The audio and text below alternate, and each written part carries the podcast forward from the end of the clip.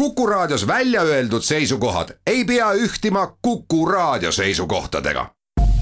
Te kuulate Kuku Raadiot. majandusruum. tere, head Kuku Raadio kuulajad, eetris Majandusruum, stuudios ajakirjanikud Janno Riispa ja Liina Laks tänases saates räägime Suessi kanali ummikust, nädal aega oli siin, võib öelda, et maailma kõige olulisem kaubavahetuskoridor umbes. Äh, samuti räägime teisest pensionisambast, kust praeguseks on otsustanud lahkuda äh, iga kuues äh, koguja. Saate teises pooles on külas ringmajandusettevõtte Ragn-Sells pikaaegsed juhid Rain Vääna ja Argo Rannamets, kes räägivad oma edasistest plaanidest eile teatasid siis Vääna ja Rannamets, et panevad ameti maha, sest äh, Rootsi omanik äh, otsustas Eesti äri neile mitte müüa. Et äh, alustakski võib-olla siis viimase nädala kõige võib-olla põletavamast teemast, mis on kirgi kütnud, et üks neljasaja meetrine kaubalaev suutis siis ikkagi päris suure segaduse tekitada siis maailma nii-öelda logistika ja tarneahelates no kes seda Suessi värki ei oleks jälginud, et see, ma vaatasin, noh rahvas nagu elas sellele nii kaasa, et nagu oleks tegu mingi jalgpallivõistlusega, et kas see laev saab sealt ikka mööda. ja tegelikult on selles mõttes huvitav, et äh, ta nagu üldse nii palju mõjutas, sest et ma oleksin, no mina isiklikult arvasin, et tegelikult see koroonakriis nii palju õpetas, et inimesed on lõpetanud ära selle nagu tobeda asja, et noh, ostetakse kohe nagu otse valmis, kui sul on vaja, et varusid enam ei tekitata et ma ise olen olnud ka töö, tootmisettevõtetes tööl, et alati on olnud seal mingisugune selline pooljuht ja nagu sellise mitte kõige teravam pliiats, kes arvab, et oleks hea kokku hoida mingit viiekümne sendiselt asjalt ja siis oodatakse seda kaks kuud ja terve tootmine seisab ja nagu miljonid lähevad vastu taevast ja kõik ootavadki seda viiekümne sendist juppi, eks. Ja tegelikult noh, nii palju kui on saanud rääkida siin ettevõtete juhtidega, siis tegelikult kõik ka on niimoodi teinud, et nad siin kriisi aastal ongi tegelikult endale hakanud varusid rohkem varuma on ikka varudega ette tellinud. sest ega see logistikakriis oli nagu hakkaski pihta juba tegelikult ütleme nii pinnapinna aasta varem see kestab siiamaani, et see laev oli nagunii kirss tordi peal, et see nüüd sinna kinni jäi ja tegelikult, kui sa vaatad näiteks, mis on maailmas nagu hetkel hästi kuum investeerimistoodang, et näiteks igasugused laod, eks ole, et laopinnad lähevad hästi kaubaks just täpselt sellepärast, et sul ongi logistikas suur häda. ja mida see laev siis lihtsalt näitas, oligi see, et noh, tead, võib ka veel halvemini minna ja siis näiteks sakslased olidki kohati seal täiesti paanikas, ütlesid, et oi-oi, et siin aprillis noh, tulevad ju kohe-kohe need suured munapühad, pühad peale, et ei tea, et kas meil ongi siis need riiulid tühjad ja. nii et siin nagu seda paanikat ja värki nagu jätkus kauemaks, aga mida öeldi ka, et kui see nüüd laev on noh kinni paar päeva, et siis on täiesti okei okay et siis suudetakse kuidagi seda kaost veel hallata, aga siin rääkisid pessimistid ka, et no oi-oi, võib nädalaid võtta ja siis hakatigi mõtlema, et noh, mis siis nagu teha, et nagu ümber Aafrika seilata on ka nagu nadi, eks ole, et mööda maismaad ikka ka nagu ei saa. ja siis äh, noh, ikka käisi, hakkasidki kõlama jälle need head loosungid, et oi, teeme rohkem koha peal ja et üldse nagu ei oleks seda sõltuvust nii suurt äh, siis välismaalt, et täpselt sama. jah, et e-, e-, eks ta absoluutselt ikkagi selle arutelu ajas äh, jälle käima, mis ka jah, täpselt nagu eelmine aasta koroonapandeemiaga nagu hakkas pihta, et selline pisut on ikkagi selline protektsionism hakanud nii-öelda levima riikide seas ja tarneahelaid ja siis tootmisüksusi tahetakse tuua kuidagi lähemale, vaadatakse, et sa ikkagi ei saa sellisele heausksele rahvusvahelisele kaubandusele väga loota, et kui ikkagi noh, toome näiteks siin ka, ma ei tea, maskid või mingisugused isikukaitsevahendid. et eelmine aasta neid ikkagi polnud kuskilt saada, et oli nagu metsikus läänes, et selline suur enampakkumine ja nende kohale toimetamine oli ka veel selline omaette ooper. et siis jällegi tekkisid need arutelud, et peame kõvasti neid lühendama ja kindlamaks tegema no samas on jällegi see noh, ega osadel on halb ja osadel on hea, nagu ikka. et hea on siis tõenäoliselt nendel Euroopa ettevõtetel, kes siis on kohapeal ja suudavad toota kohapeal, et nemad lihtsalt ütlevad, noh, poisid, tulge võtke. keevitame natuke hinda juurde ja noh, ütleme niimoodi, et paremat asja ei olekski võinud nende jaoks juhtuda jah, et äh, muidugi läbi Suessi kanali käib ka, eks ole, väga palju naftast sealt Araabia poolsaarelt, et mis siia just äh, Euroopa poole võib-olla tuleb. et Äh, viskas ka muidugi nafta hinda üles ja võib-olla siin noh, ütleme siin Euroopa või ka Venemaa naftatootjad võib-olla pisut õnnelikumad. aga noh, selle piirkonna võib-olla majandustel oli ka seal suurem mõju, et seal Süürias vist oli juba aasta algusest oli kuidagi seal anti enam-vähem talongidega enam. said endale kütust osta ja leiba, et nüüd, kui veel ikkagi see vähenegi kohale kuskilt ei jõua, et siis, siis see on ikkagi päris suur põnts ja et noh, et kui sa ikkagi oled äh, nendest kaubavoogudest nii meeletult sõltuvuses ja midagi sellist juhtub, no see on ikkagi selline enneolematu katastroof, et et siin äh, tõenäoliselt äh, noh, vaata kaks kolmandat ei jää, et üks oli see koroonakriisi värk, mis meil jätkuvalt kestab, et ju ka siiamaani on ju need tarneahelad nii nagu need on, et siin on öeldud näiteks, et konteinervedude hind on tõusnud. Siin viimaste kuudega vist oli, kas oli nelisada protsenti, et ega noh ütleme, võõrad mured, võõrad mured, aga Eesti ettevõtjad ütlevad ka, et tead, et noh, ei tea, kuidas nagu kinni maksta seda vahet siin, et kas hakata kliendile edasi andma, kohati ei saa, sest lepingud on vaata ette tehtud mingite hindade peale et täitsa jama on. jah, et selles kontekstis hakati jälle rääkima, eks ole, siin Helsingi tunnelist, et äh, teada on ju jutt, et siin juba Vene kõrged ametnikud andsid märku, et, et ikkagi peaks sellise nii-öelda Suessi intsidendi tarvis peab ikka mõtlema ka alternatiivsetele, eks ole, kaubateedele, et küll see Põhja-Jäämeri kunagi lahti sulab ja et hakkame rõõmuga sealt Äh, nii-öelda siis te, teist kaudu tooma kaupa kõvasti siia Euroopasse, et noh, siis ongi variant, et kas me toome siis äh, Põhja, Põhja-Jäämeri ja Põhja-Meri sealt ümber Norra või siis kuidagi paneme ta seal Skandinaavia põhjatipus kuskil maha ja. et hakkab siis rõõmsalt nagu rongidega tulema siia Euroopasse, et siis äh, selles kontekstis oleks ju Helsingi tunnel selline tal oleks ikkagi oluliselt nagu suurem potentsiaal ja sellele tegelikult on ka varem nagu tähelepanu juhitud. et võib-olla nüüd selles kontekstis ta nagu äh, kerkiski tugevamalt äh, esile, võib-olla see potentsiaal.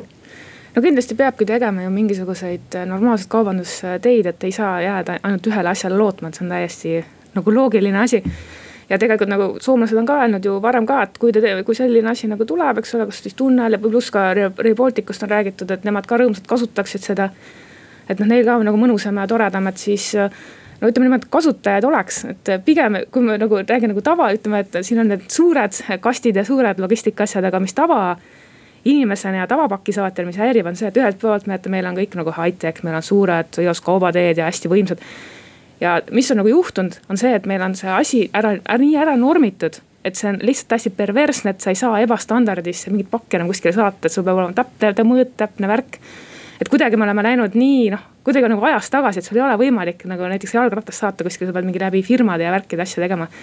et sul on nagu ütleme, et kõik on nagu tehtud nagu nii-öelda seal nagu firmade jaoks, aga mitte nagu tavainimese jaoks enam, et võib-olla ka mingisugune mingisuguseid teid ja alternatiive on rohkem, et äkki kaob ka selline asi ära, et ei pääse postiametnikega vaidlema, et sul on pool sentimeetrit liiga pikk mingi kast, mis on vaja kuskile naaberriiki saata.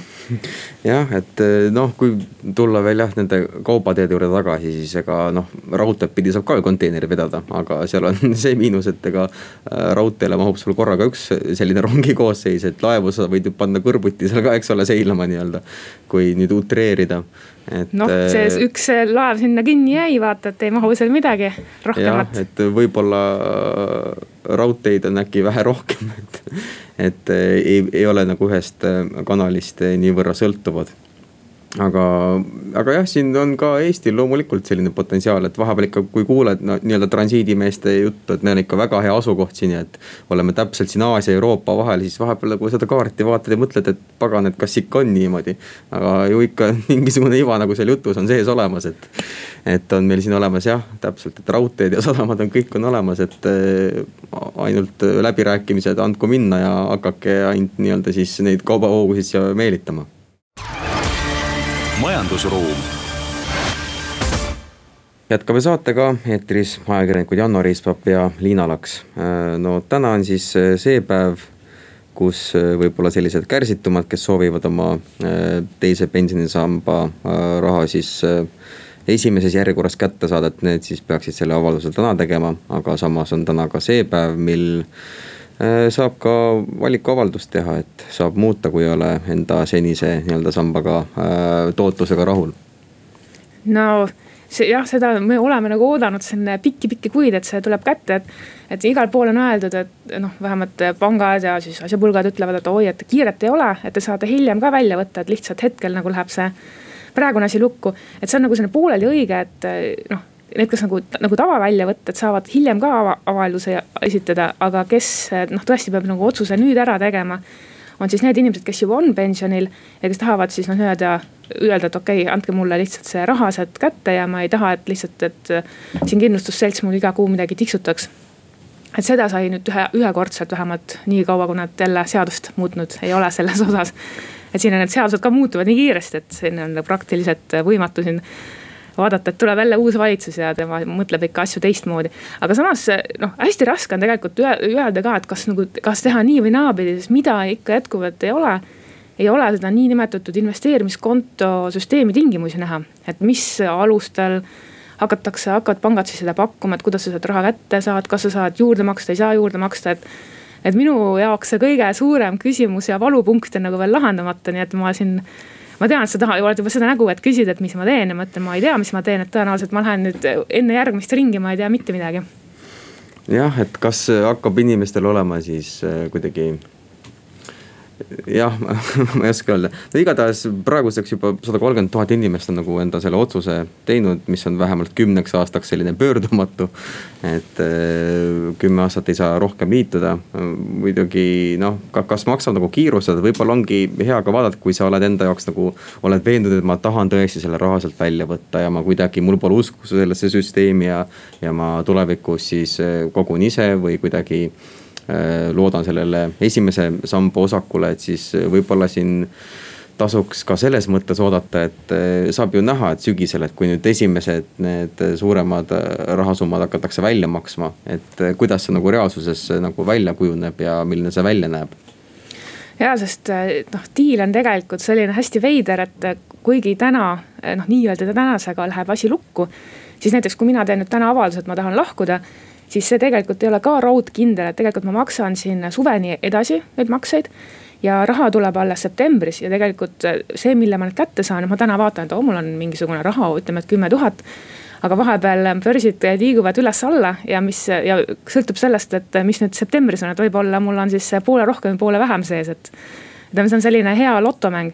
pluss tegelikult see ei ole ka veel kõik, sest et siis läheb ka riigimaksudeks ühte-teist, et kui sa oled kuni viis aastat siis pensionieast, siis võtab riik kümme protsenti.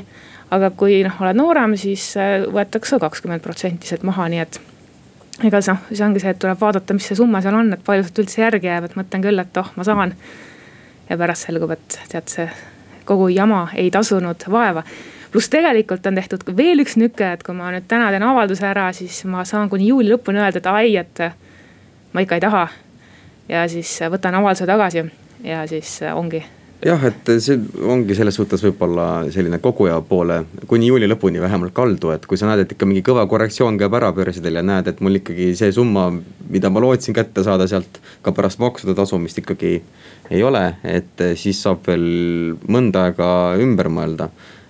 see ongi jah loto, et kuidas, et, et mis summa sealt ikka lõpuks kätte saab ja, aga see oli hästi huvitav, et eile tuli ju Eesti Panga analüüs välja ja siis nad ütlesid ka, et ups, et kõik arvasid, noh, ma nüüd utreerin hirmsasti. aga arvati, et no nüüd vaesed võtavad välja need summad ja siis selgus, et aa ei, et tegelikult võtsid just nagu nii-öelda paremal järjel inimesed, et see raha, mida sealt välja voolab sügiseks, siis hinnatakse umbes Eesti Pank ütles, et vist umbes selline üks koma kaks miljardit saab see olema ja praegu on teises sambas siis kokku niimoodi nibin-nabin viis pool. nii et ikkagi sealt ühte-teist nagu tuleb, et, et no, aga samas ütleme, et see noh, väljavõtmist ei tasu ka nagu väga demoniseerida, et ma olen nagu selle poolt, et koguma peab, et ma nagu ikka lapsest saadik kogun, et, et ma tunnen ennast väga halvasti füüsiliselt, kui mul ei ole raha kontol, et ma mõtlen, et jumal, mis, ma ei saa niimoodi elada üldse. aga noh, samas kui on ikkagi mingisugune nagu tõesti hull ja vältimatu kulutus, noh, siis see ei pruugi üldse olla nagu halb mõte, et. jah, et tegelikult ma ka nagu ei ole väga seda usku, et siin äh, riik nagu absoluutselt tõde teab, et me nüüd teie eest kogume, et muidu üldse ei, ise ei oskagi väga hästi tulevikku ja pensioni planeerida. et äh, noh, mingil määral ta ongi õigustatud ja noh, kui natukene mõelda, siis ta on ju üsna selline hea süsteem ikkagi, et kui sa sellist lollikindlat investeeringut, et paned ühe euro ja sul riik paneb kakssada protsenti otsa sinna, et. et sellise tootlusega väga muid mehhanisme nagu ei olegi kuigi noh, see, et riik paneb, vaata see kogu aeg mul on nagu pinnuks silmas, sest reaalselt ta võtab selle, need protsendid sinu enda palgast, et ega ta sealt kuskilt mujalt ei võta, et tegelikult sa ise teenid, aga lihtsalt riik ütleb, et okei okay,, ma ei võta omal ma, nii-öelda maksurahaks, ma panen nagu sulle tagasi nagu nii-öelda. Et ikkagi on noh, kõik nagu enda taga kinni, et palju sealt seda protsenti tuleb no kui jah, aga kui see, kui see riik sealt nagu sinu brutopalgast seda ei näpista seal, eks ole, et siis. siis ta läheb rõõmsalt esimesse osakusse ja saab toetada võib-olla siis juba noh, praegu juba väärikas ikka jõudnud inimesi, et. et ma ikkagi arvan, et noh, see on muidugi minu arvamus, eks ole, et, et see teine, teise samba süsteem on selline kõige lollikindlam viis, kuidas, et see nagu võiks olla ma ei tea, kusjuures isegi see kolmas mulle on kuidagi sümpaatsem kui see teine. et just nagu selle oma noh, see paindlikkuse pärast, et see ongi, ongi täpselt niimoodi, et sa ei tea kunagi, mis sul elus ette tuleb, et ma saan täiesti aru, kui siin noh, eksperdid ütlevad, oi ära võta välja, no tõesti, see diskussioon on vahepeal võtnud sellised pöörded siin, et kui sa võtad välja, sa oled nagu automaatselt loll ja vaene ja kõik on nagu pahasti. Ja no ma saan aru, kust see jutt tuleb, et nagu Eestis on paraku niimoodi, et kui sa vaatad üldisest palgataset, siis meil on sellega probleeme et äh, siin kohati on need palgad sellised, mida mina ütlen tõesti otse, välja nagu orjapalk, et sul on võimatu elada normaalselt sellega. ja siis, kus sa ikka kogud, eks ole, et siis on nagu see, et riik nagu nii-öelda võtab selle protsendi, paneb sulle sinna peale, et sul oleks nagu midagigist. Aga samas noh, sul on ka see, et iga inimene lõpuks teeb oma valikud ka ise, et ei saa nagu teha sellist asja, et nagu riik on nagu emme-issi, et kogu aeg sul nagu on piitsaga seal kuskil turja peal ja ütleb, et nüüd pane raha sinna ja nüüd võta raha sealt ja tee, pane tänna, et kuskil peab ikkagi inimese vaba tahe ka nagu mängus olema. noh, aga eks see reform tuuniti ka ikkagi pisut selliselt, et et kui sa ikka oled kahe vahel, et pigem võtad välja, et noh, kui ta võiks olla samamoodi nagu paindlik, et kolmas sammas täpselt, et sa võid sinna ise tunda järgi täitsa nagu nii palju, kui tahad, saad juurde lisada ja siis, kui millal iganes nagu soovid, siis nagu ikkagi saad nagu välja ka võtta sealt, et ei pea, ei ole niimoodi, et ma nüüd võtan kas kõik korraga välja või siis. või siis kümme aastat siin ei saa midagi teha, et see natuke sihuke natuke jabur ja, ja pluss on ikkagi see, et noh, praegu me räägime teise samba reformist siin, et nagu see oleks midagi hirmsat igavest, aga no tead, see on niimoodi nagu meil need valitsused vahetuvad ja nagu need ideed vahetuvad, et see ei ole kaugeltki nagu esimene ja viimane reform, mis me näeme tõenäoliselt seal, et. et siin enne, ma ei tea, minu pensioniiga me tõenäoliselt jõuame seal nagu näha kõvasti. Ja iseenesest mulle pigem meeldivad süsteemid, mis on nagu paindlikud just nagu minu ja koguja suhtes, et siis ma mõtlen, et aa, näiteks kolmas sammas, eks. et aa, ma saan võtta iga kell välja, ma saan iga kell võtta panna, eks ole, et ma saan sealt mingid protsendid tagasi, noh, mul on huvi sinna koguda aga kui keegi mul vitsaga turja peal ütleb, et nii kümme aastat, nüüd sa oled vangis seal ja siis ma mõtlen, et aa, kümme aastat ma olen vangis seal ja mm, no võib-olla ma pean tegema mingisuguse vältimatu kulutuse, käima kuskil opil. siis mis sa teed? Jah, et rõõm on näha ka, et pangad on natuke võtnud jalad kõhu alt välja, et on ikkagi kohe hakanud neid, fondide tasusid äh, vähendama ja. ja noh, äh, tootlused on ka sellised äh, ütleme parajalt nagu paremaks läinud, muidugi siin on väga volatiilne olnud äh, maailma aktsiaturgudel need asjad. et äh, selles suhtes riigikogu on ka teinud seda süsteemi kõvasti paindlikumaks, eks ole, et lihtsalt võib-olla seda aega, et need äh, muudatused hakkaksid mõjuma, et seda on olnud kole vähe, et siin vist ma ei tea viiel korral vist on riigikogu teinud äh, selliselt, et oleks parem. aga pärast äh, pausi liituvad meiega Ragn Sells, Eesti juhid Rain Vääna ja Argo Rannamets.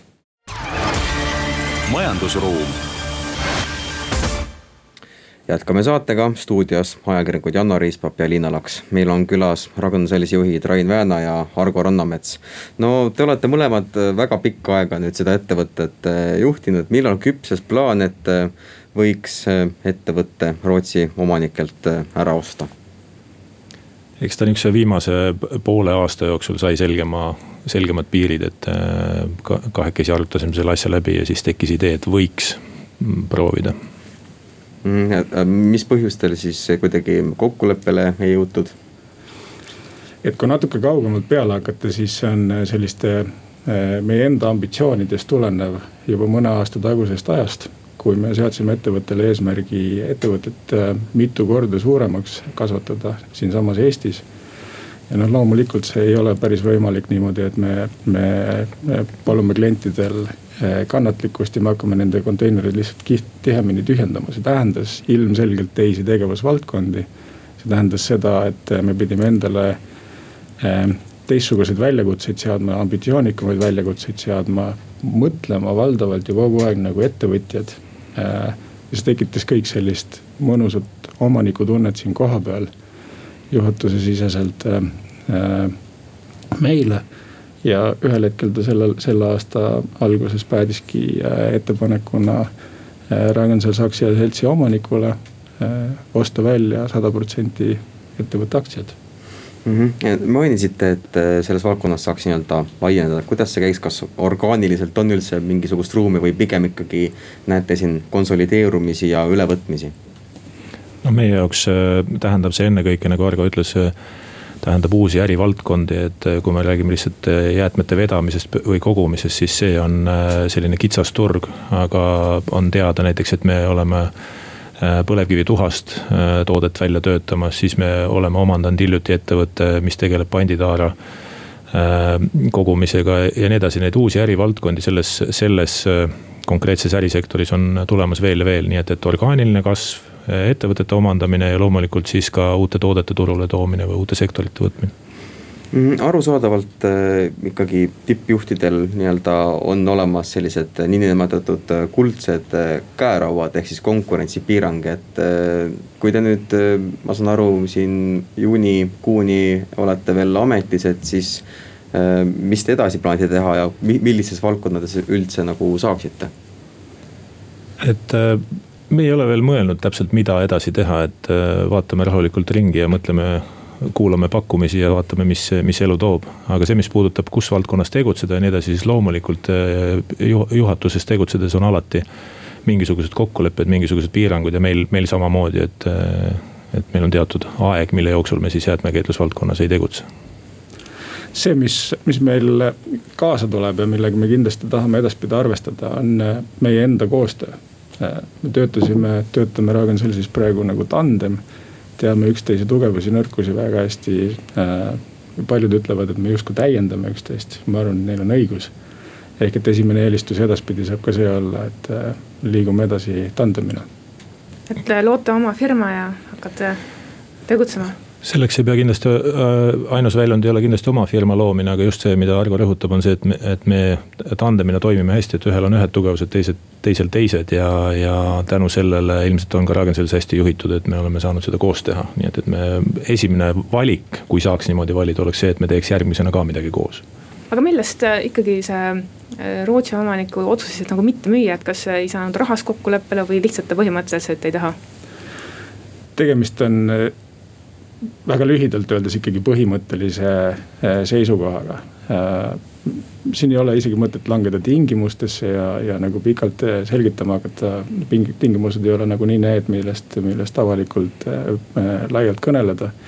aga äh, omaniku soov on jätkata Eestis, investeerida jätkuvalt edasi, kasvõi seesama jät-, põlevkivituhkade käitlemise projekt see nõuab investeeringuid, nõuab palju investeeringuid, aga samas potentsiaal on tohutult suur. sellest on, sellest võib välja kujuneda, kui hästi asju teha Euroopa mastaabis kõige suurem ringmajandusprojekt üldse mm. -hmm. et võimalused on. Te tõite näiteks selle äh, põlevkivi tuhaprojekti, et kui me mõtlemegi näiteks Ragn-Sellsile, et siis tegelikult see ei ole ammu kitsalt selline jäätmekäitlusettevõte, et on ikkagi pikem nagu äh, kogu see ringmajanduse tarneahel ja kuidas võtta materjali äh, uuesti kasutusse, et. et võib-olla küsiks ka sellest vaatevinklist, et kuidas Eestis saaks võib-olla teha selles valdkonnas mingeid asju paremini võrreldes sellega, kuidas see praegu on et äh, ma vastan natukene mõlemale küsimusele, esimene see, et kas Ragn-Sells on äh, ringmajanduse ettevõte, siis jaa. et viimased suuremad investeeringud, kõik, mida Ragn-Sellsi omanik on teinud nii, nii Eestis kui, kui äh, Skandinaavias, siis keskenduvad põhiliselt just materjalide ringlusse võtmisele. näiteks Rootsis praegu üks väga suur projekt investeeringuna viiskümmend viis miljonit eurot, mis keskendub just erinevate lendtuhkade ehk väga ohtlike tuhkade ümberkäitlemisele tööst-, tööstuslikuks sooladeks. nii et, et väga palju pannakse just äh, teadusuuringute raha selliste uute materjalide leidmisele, et kuidas neid ringlusse võtta. teine pool, mis puudutab seda, mida Eestis teha annab Äh, lahendus on tegelikult väga lihtne. täna, tänane olemasolev seadusraamistik võimaldab jäätmeid liigiti koguda. nüüd on lihtsalt vaja kohalikel omavalitsustel ja riigil kokku leppida, et seda tehakse äh, igal pool ühtemoodi. Et ei oleks äh, meil äh, kümneid omavalitsusi, kes igaüks organiseerib natuke erinevalt. ühtne süsteem üle Eesti ja alustada kõige lihtsamast asjast, biojäätmete Äh, väljakogumisest. ehk siis, kui me saame biojäätmed eraldi kogutud, siis ülejäänud jäätmemass on väga kvaliteetne pakend enamus. millest siis saab suure osa juba ringlusesse võtta.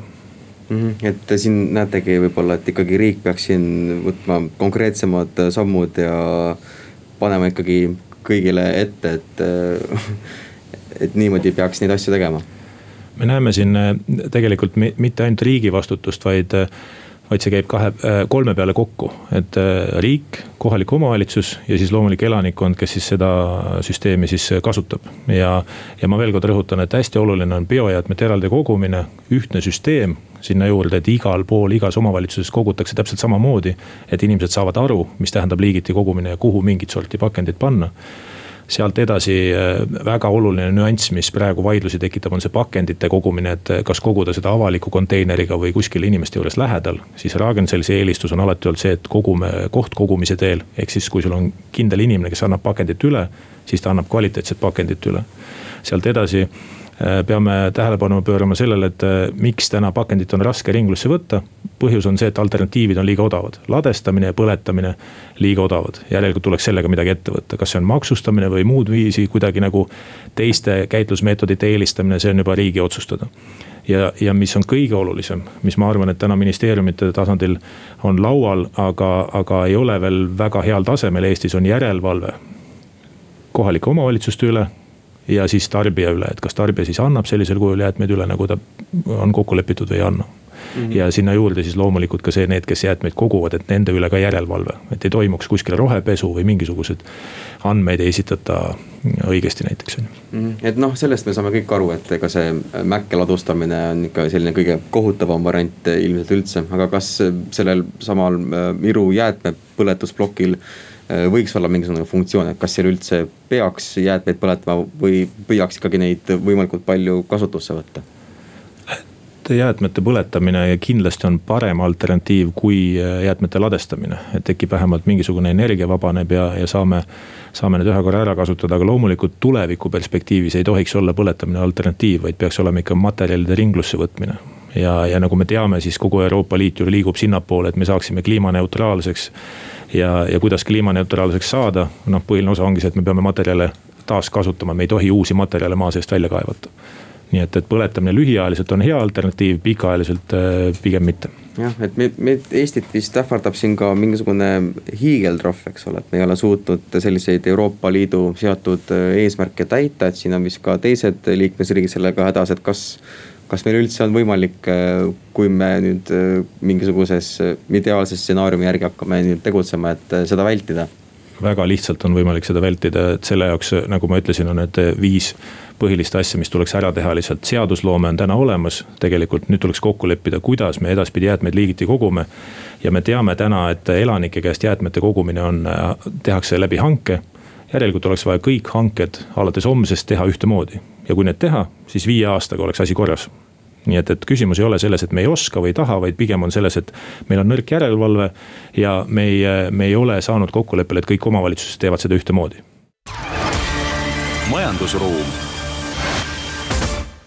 jätkame saatega stuudios ajakirjanikud Janno Rispap ja Liina Laks ja ka Ragn-Sellsi juhid Rain Vänna ja Argo Rannamets et enne pausi rääkisime siin pisut siis nendest äh, trahvidest, mis meid võivad ähvardada, kui me nüüd kohe tegutsema ei hakka. ja siis ka sellest äh, liigiti kogumisest.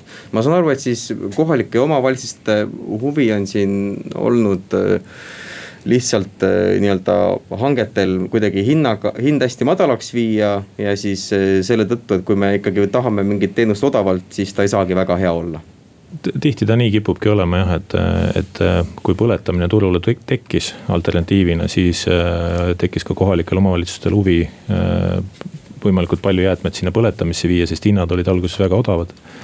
ja, ja liigiti kogumine jäi tahaplaanile teiselt poolt on liigiti kogumine ongi natukene keerulisem kui ühte konteinerisse kogumine ja siis oma kohaliku omavalitsuse piires seda selgitustööd teha, see nõuab vaeva ja aega. aga, aga tegelikkuses on see asi palju lihtsam, et kui jäätmevedajad siin appi võtta ministeeriumi poolt väga selged reeglid kehtestada, milliseid hankeid kohalik omavalitsus teeb ja milliseid mitte siis seda asja on väga ruttu võimalik korda teha kui ma kogu aeg seda kuulan, põhimõtteliselt te näitate siis nagu näpuga omavalitsuste poole, et nagu nemad on siis äh, süüdi, et meil asjad ei liigu õiges suunas. ei, Ragn-Sells ei näita kunagi kellegi peale näpuga ja ei süüdista kedagi, me lihtsalt äh, näeme, et võimalus äh, on seda trahvi vältida ja, ja tegelikult on olemas seadusloome ja tegelikult on olemas väga selge moodus, kuidas liigiti kogumisega saaks väga ruttu korda ja need on needsamad viis, viis punkti, mis ma ütlesin, et aga alustada kasvõi sellest, et biojäätmed eraldi koguda, oleks juba väga suur asi. ja kui seda teeksid kõik omavalitsused koos, meil oleks juba väga-väga palju lihtsam kuidas üldse siin Eesti äh, jäätmekäitluse turul see konkurents on, et äh, tihtipeale tundub, et neid tegijaid on üsna vähe ja, ja kui vaadata siin neid erinevaid äh, hankeid, siis tundub, et noh, eks need võitjad on ka samad, aga siis need lähevad alati kohtusse ja lõpuks siin need asjad nagu kipuvad venima, et kuidas te seda hindate? Eestis on neli jäätmete vedajat suuremat nii et, et konkurents täiesti toimib, nii mõneski valdkonnas on tavaliselt kaks suuremat, sest Eesti turg on väga pisikene, aga, aga jäätmevaldkonnas on neli vedajat. Ja kohtuvaidlused äh, vahest on, aga pigem väga palju neid jääb ka olemata, sellepärast et äh, ma tuletan meelde, et kohalikke omavalitsusi on kümneid, aga neid vaidlusi, mida me kuuleme võib-olla iga-aastaselt on üks-kaks niisuguseid suuremaid vaidlusi, nii et, et äh, tegelikult taustal nii mõneski omavalitsuses täna süsteem toimub, toimib väga hästi ja siis on vaidlused. tavaliselt, kus vaidlused tekivad, on seal, kus kohalikul omavalitsusel on ka endal ärihuvid äh, jäätmekäitlusvaldkonnas, et siis seal on ka selgelt näha, et äh, üritatakse hankeid koostada nii, et need oleks kuidagi soodsamad mõnele turuosalisele ja nii edasi kui me vaatame seda valdkonda tervikuna, siis noh, selleks, et neid sihtväärtuseid täita. Euroopa Liit ütleb ette, et kahekümne viiendaks aastaks me peaks, peaksime viiskümmend viis protsenti materjalina ringlusesse võtma kogu jäätmevoost siis äh, ilmselgelt see turg on muutumas. see ei saa jääda samasuguseks, nagu ta praegu on. Neid äh, tegijaid, kes sellel turul tegutsevad, tulevad juurde. sellepärast, et äh, moel või teisel neid materjaliliike, mis ringlusse lähevad, mismoodi tuleb eelkäidelda, neid tuleb aina juurde. ja kasvõi sellest tulenevalt, et ettevõtetel on väga oluline igasugune jätkusuutlikkuse temaatika. seatakse endale iseseisvalt eesmärke, vaatame, mis Skandinaavias toimub, vaatame, mis Euroopa suurettevõtted teevad. see on loogiline samm edasi, ettevõtted ise hakkavad seda nõudma palju rohkem kui praegu.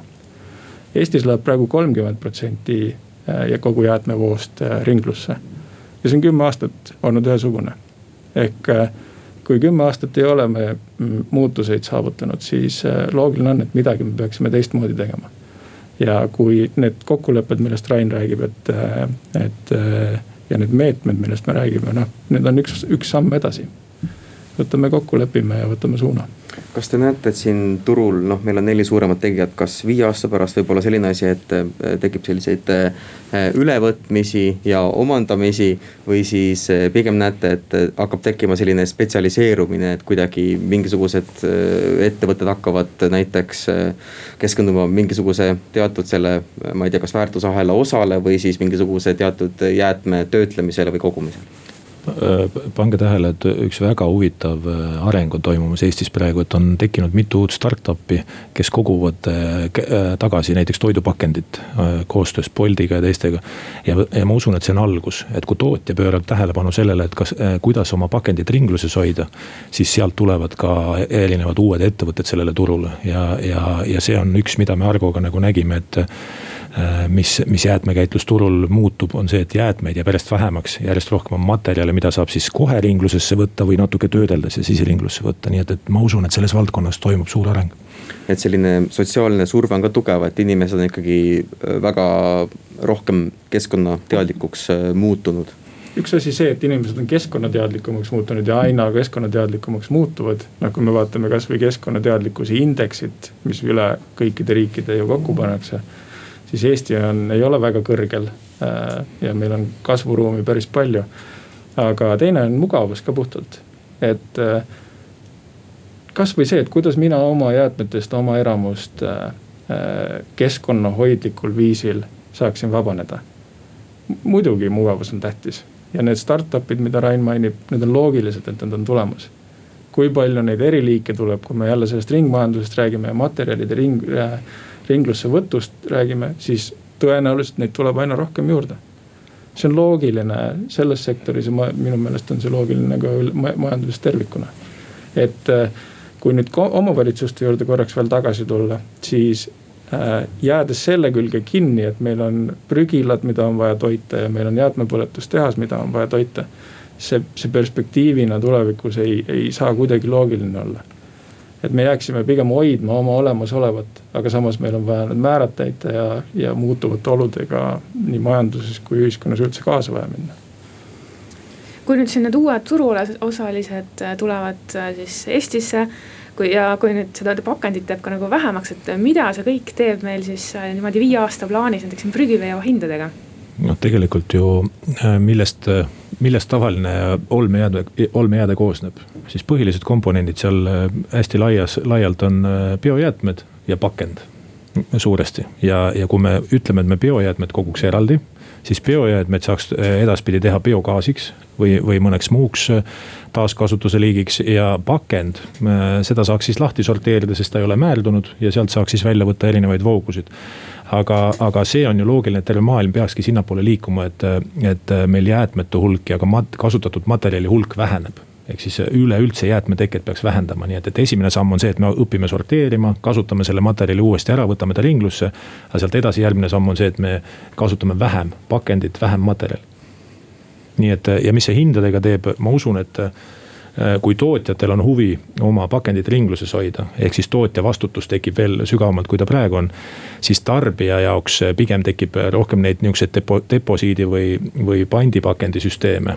et ta ei pea nii palju ise selle eest välja käima või kui ta isegi korraks maksab, ta saab selle tootja käest tagasi jälle okei okay,, aga kas, äh, kui me mõtleme sellele, et meil on juba mingisugused äh, prügimäed tekkinud, et kas on juba mingisugused startup'id või tehnoloogiad ka olemas selle jaoks, et äh, võib-olla sealt hakata kuidagi neid materjale kuidagi mingid robotid hakkavad välja otsima ja võtame uuesti ringlusesse? ega see tehnoloogia ei ole väga keeruline minna sinna mäe kallale ja seda lahti kaevama hakata, lihtsalt küsimus on majanduslikus mõistlikkuses ja see väärtus, mida sealt välja võtta, noh, see paljuski peegeldub siis energia väärtusega. aga energiahinnad ju pidevalt majanduses äh, kasvavad ja, ja seda mõistlikkuse äh, kohta ei ole tekkinud, et äh, mägesid lahti kaevata. samas, kui me vaatame, siis hea näide on ju seesama põlevkivi tuha projekt, et kus me sisuliselt ütleme, et ennem see oli probleem, ennem ta oli tuhamägi või prügila. ja nüüd me ütleme, et ta on järsku materjali, materjali ladu Mm. Et eh, kui me suudame selle tehnoloogia ellu kutsuda, siis see on eh, ehe näide sellest, et vanasti probleemne toode saab täna tooteks. me, me, vabandust, et me enda ettevõtte sees ka väga tihti kasutame seda terminoloogiat, et eh, ka need ladestuskohad on justkui nagu materjalilaod tulevikuks. kui me täna ei oska nendega peale midagi hakata, siis mõne aja pärast tulevad need võimalused, et nendega midagi tegema hakata ja kui mõelda sellele veel, et äh, siin on noh, olnud plaane siin vanarehvidest toota, eks ole, võib-olla põlevkiviõli ja samamoodi põlevkivituhk saab ka uuesti nii-öelda mingisuguse uue elu, et äh, aga noh, kui ma mõtlen prügimägedele, siis äh, seal vist ikkagi nagu sellist biogaasi juba nagu toodetakse ka, kui ma ei eksi bio, biogaasi kogumine on jah prügilates kohustuslik, aga, aga sellist materjalide ringlussevõttu prügilast, et nii see, sellist prügilate ava, taasavamist ja sealt materjali väljavõtmist Eestis veel väga ei tehta, aga ma, ma usun, et tulevikus kasvõi energiatarbeks äh, võib see täiesti realistlikuks muutuda. sealt ei saa enam puhast materjali, mida kohe ringlusse suunata, see on ainult äh, teistsugustel viisidel, et kui me ikkagi mõtleme nende sihtarvude peale, mis on selles valdkonnas seatud, siis kuidas materjal ringlusse tagasi suunata need äh, mehhanismid peavad töötama enne, kui äh, jäägid liiguvad kuskile mäkke ja, ja sealt samm edasi, mis, mis tootjate jaoks on oluline sõnum, on see, et kui sa materjali või pakendi turule lased, siis see e, peaks olema mõttes kogu aeg see, et teda oleks lihtne materjalina taaskasutada. et selline mõttemall peaks olema kõikidel tootjatel, eriti Eestis. jah, aitäh, meil olid külas Ragn-Sells Eesti juhid Rain Vääna ja Argo Rannamets. kohtumiseni majandusruumis järgmisel nädalal. majandusruum